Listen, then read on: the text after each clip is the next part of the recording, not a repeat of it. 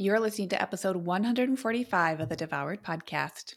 Welcome to Devoured, the podcast for women like you who have tried restrictive diet after diet and are ready for simple solutions and resources to help you lose weight for the last time from a place of abundance and peace.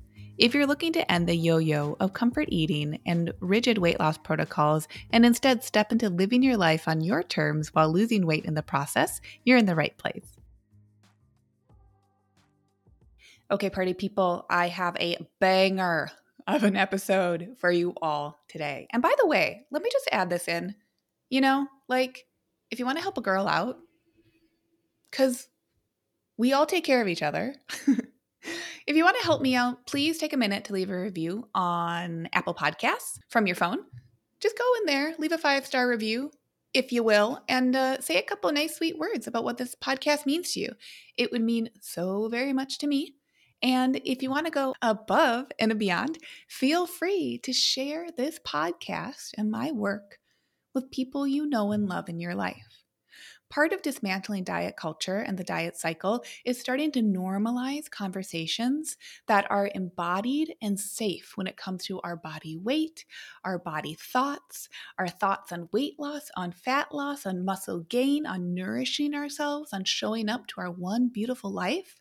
How we normalize that is that we start to create more and more conversations, right? We become the leaders in our lives that do the scary thing ahead of time. So, this is my call to action for all y'all. Share the podcast, let people in on the fun, and take a moment and leave a podcast review.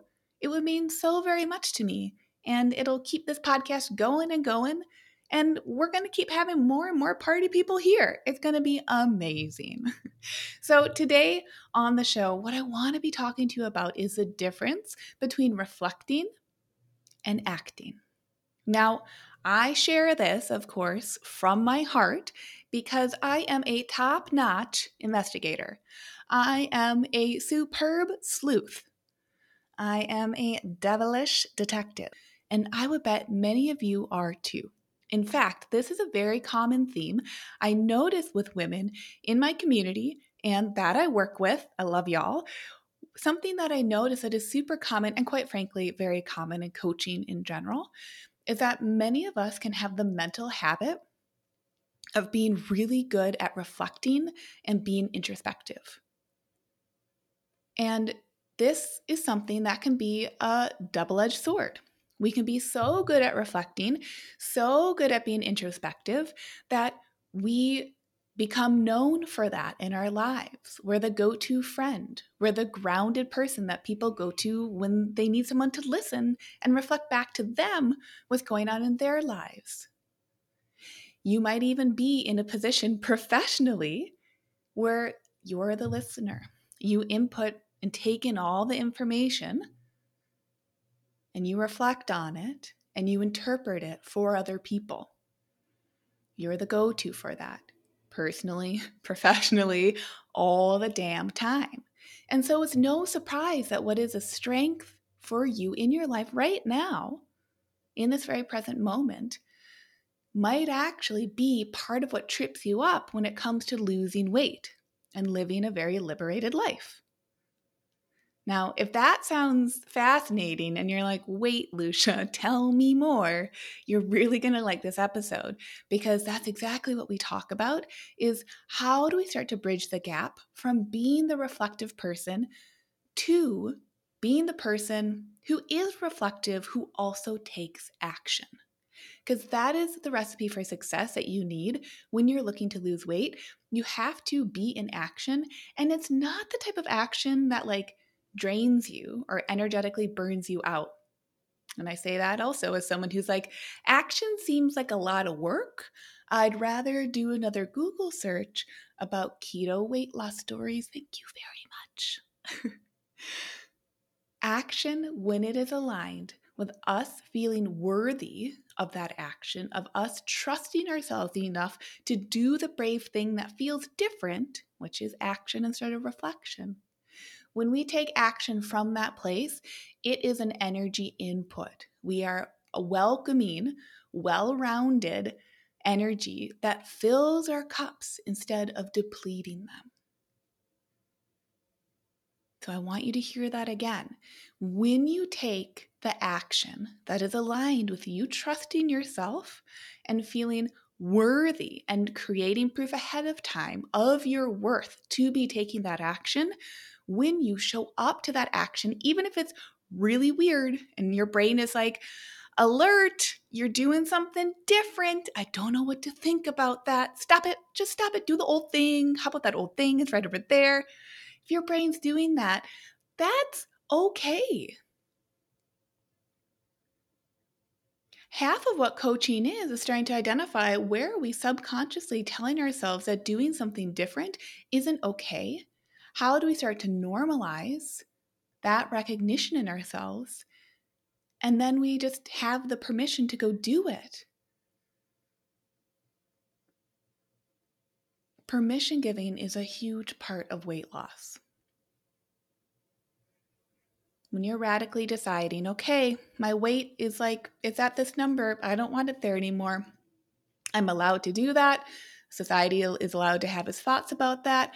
I'm going to do my damn thing anyway from a place of love and curiosity. What you will find time and time again is that lots of thoughts will crop up because when we make change, we're just at odds with our old thoughts because we're now in the energy of creating new thoughts. That's it. So I want you this week to get curious with yourself. Is my action, has it actually been that action that is comfortably uncomfortable where I think I'm taking action by reflecting more, by doing some more introspection, by just fact checking a little bit more before I do the thing, but then I never really do the thing? Or are you allowing yourself to take bold action that will allow you, when you're taking that bold action, to fill your cup? Because reflection is great until it starts to be draining because it doesn't actually give you the thing you want. So then you're still spinning in inaction. That's the only problem with reflection. All y'all are like really awesome, super smart, very capable people who are so damn good at reflection. So, what I'm trying to say on this podcast is that, like, you get to be good at reflection. And the new skill you can be practicing when you're losing weight is taking action and trusting yourself enough to jump into that action. And trust in yourself enough that when you jump into the action, it is there to support you because you have all the evidence in the world of what reflection does for you. You know that inside and out. But what you haven't done yet, and where a lot of people trip themselves up, is that they haven't created proof over and over enough that action is safe, that action is available to them. So this week, what your actions could be could be any of the things that I shared with you in that last episode with the free training. I gave you a lot of different action points that you could take. But your action foundation will be that you are shifting from a place of reflection into action. Never forget the intangibles. How you're thinking about and feeling about your life is an action. That's foundational to everything else.